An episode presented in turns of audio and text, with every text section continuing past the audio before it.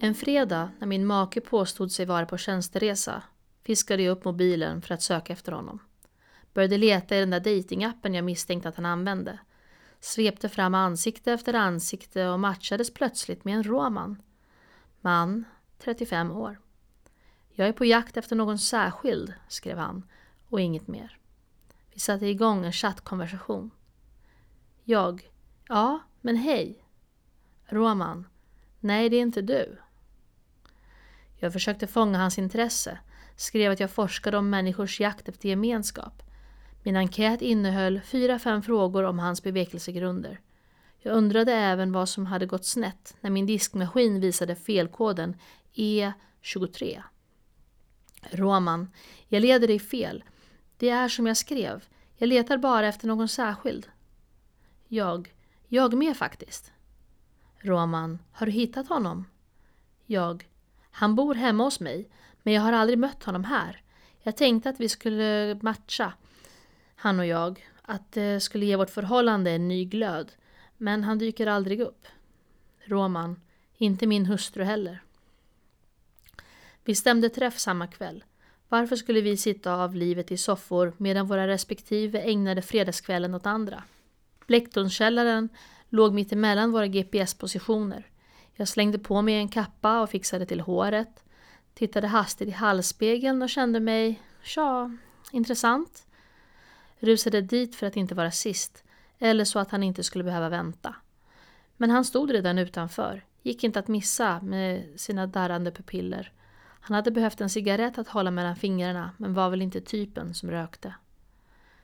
Ja, hej, det är jag, sa jag. Ja men tjena, sa han. Det enda bord som var ledigt låg i halvdunklet intill Jack Vegas-maskinerna. Vi beställde in två Starobrino på fat, betalade var för sig. Han såg verkligt missmodig ut, ansiktet fårat som hos en sömlös. Möjligen ljög han om sin ålder. Vissa gör ju det för att förbättra sina odds. Jag utgjorde knappast högvinsten, en möjligen bedragen frilansmusiker beroende av makens stadiga inkomst. Så vad jobbar du med? frågade jag. Jag skriver böcker som ingen vill läsa. Vill du läsa? Säkert inte. Nej, jag menar det. Han trummade med fingrarna mot bordsskivan, påminde om Art Blakeys Moaning med sin mjuka pulserande rytm. Jag var tvungen att fråga. Är det Art Blakey? Det är Art Blakey. Han skrattade nöjt och började dricka av ölen redan innan skummet lagt sig. Jag fick honom på gott humör, förklarade han. Normalt gjorde han i och för sig samma sak, drack öl. Fast hemma och ensam och gärna lite svårare märken och det fanns väl ingen egentlig vits med att ägna sig åt den sysslan om inte för att döva smärta och dämpa neuroser och då gick det egentligen lika bra med Starobrino. Hon, hustrun, skulle säkert komma hem med en god och trovärdig förklaring och sedan förklara sig sömnig och lägga sig med ryggen mot honom i sängen och somna. Hon var alltid trött nu för tiden. Trött på mig alltså, sa han. Jaha, så tänker du. Ja, det låter onekligen som att du knäckt koden. Kvinnor attraheras i gemen inte av män som väntar. Så vad ska jag göra? Du ska inte vänta. Så mycket vet jag. Finns inget värre. En tanke slog rot i hans huvud. Jag kunde se den formas genom ansiktsuttryck. Så var den färdig. Han garvade skevt och inte vackert och vände handflatan inåt lokalen. Hon skulle kunna vara här, med honom, den andre, mannen som inte väntar. Jag antar det, om hon inte är där hon säger att hon är. Nej, hon skulle aldrig gå dit hon vill gå. Hon skulle välja ett lite sjavigt ställe som det här, där jag inte skulle leta efter henne. Men tänk om. Tänk om vad? Tänk om hon faktiskt hade hittat oss här. Hon skulle komma på andra tankar. Om mig alltså. Att jag inte är en sån som väntar. Eller vad du sa. Berätta mer om dina böcker istället.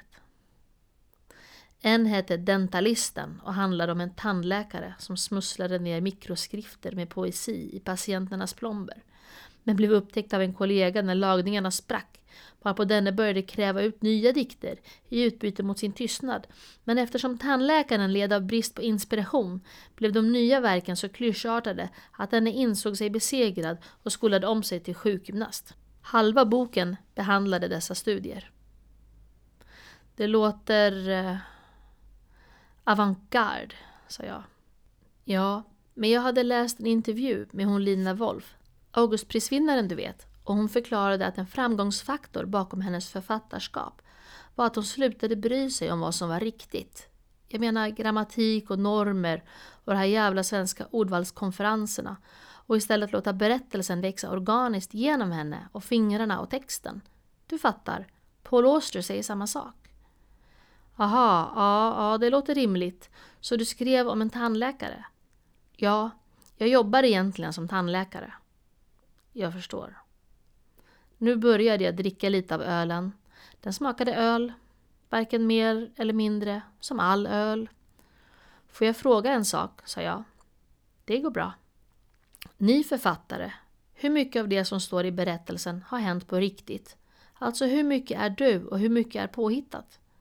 Jag har väntat ett liv på att någon skulle ställa mig den frågan. Nästa morgon låg min make i sängen, fridfullt sovande med lätta drömmar, kanske om apelsinodlingar och stridsflygplan. Jag hasade upp och ordnade med frukost, en instagramvänlig måltid att fotografera ifrån ovan. Fokus på cirklar. Grapefrukt, pancakes efter recept från Jamie Oliver, skålar fyllda med yoghurt och blåbär, kaffe i porslinskannan. Han släntrade upp vid tio tiden och då satt jag med morgontidningen och skruvade upp en lycklig röst. Kära Viktor, har du sovit gott? frågade jag.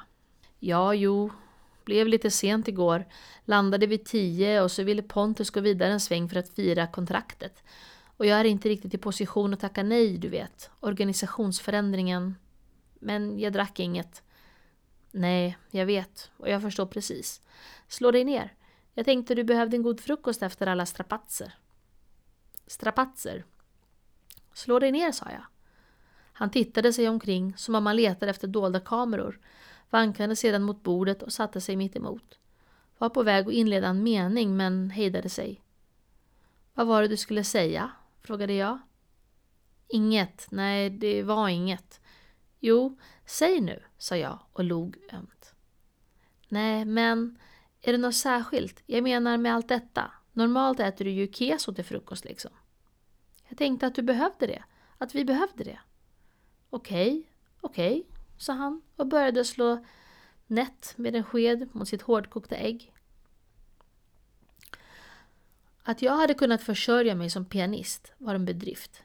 Jag saknade såväl utbildning som rykte, men kunde sniffa upp en möjlighet ringde till äldreboenden och kursgårdar och förklarade att ingen som jag kunde spela Love Me Tender kväll efter kväll utan att tröttna eller tappa intensitet.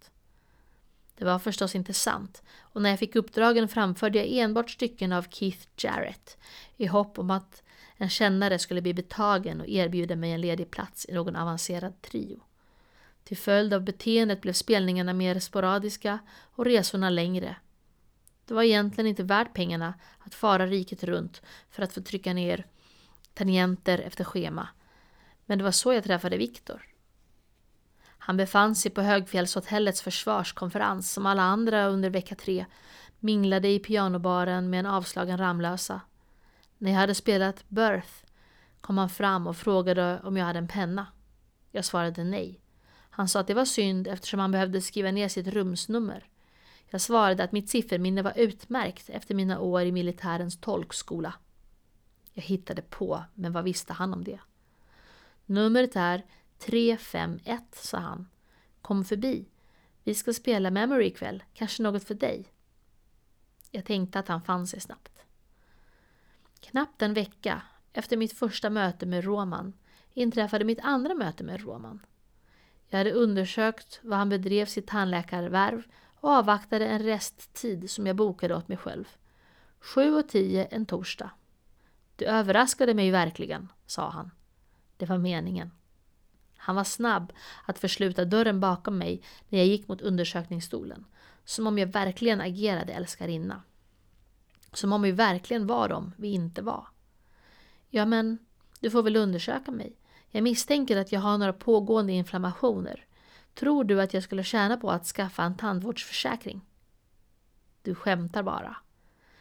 Det vet du inte förrän du undersökt mig. Efteråt sa han att jag hade några mindre hål som inte behövde åtgärdas, men som det kunde vara bra att hålla under uppsikt. Jag spottade i det lilla handfatet och satte mig upprätt igen. Håller du fortfarande på med den där appen? frågade jag. Lite grann, sa han. Har du sett henne där någon gång? Nej, fortfarande inte. Men jag hittade en sköterska från avdelningen. Hon visade sig vara riktigt trevlig. Vi hade inte haft tid att prata förut. Alltså om vettiga saker. Hon letade efter någon att diskutera tennis med, skrev hon. Så nu pratar vi tennis vid trefikat. Roger Federer ska vara framstående har jag förstått. Han är väldigt bra, sa jag. Ja. Det blev tyst. Jag hade gott och väl 20 minuter kvar av min inbokade tid. Roman kliade sig i nacken som om jag blivit ett besvär. Har jag blivit ett besvär? frågade jag. Nej, men jag tror jag har börjat tycka om dig. Jaha. Ja, du är lätt att snacka med liksom. Vi har liknande bekymmer och det här med våra svekfulla partners och det där. Du menar att du vill inleda en relation? Det menade jag inte. Viktor skulle gärna få tro det. Roman frustade fram ett skratt och började promenera runt mig i stolen och hytte med fingret. Hans ögon lyste som en eldsvåda och han utbrast. Man ska inte vänta hela tiden. Vad kommer den här undersökningen att kosta mig? Jag har det ganska knapert just nu och jag kan inte riktigt äska nya medel. Han sa. Vissa saker kan man inte köpa för pengar.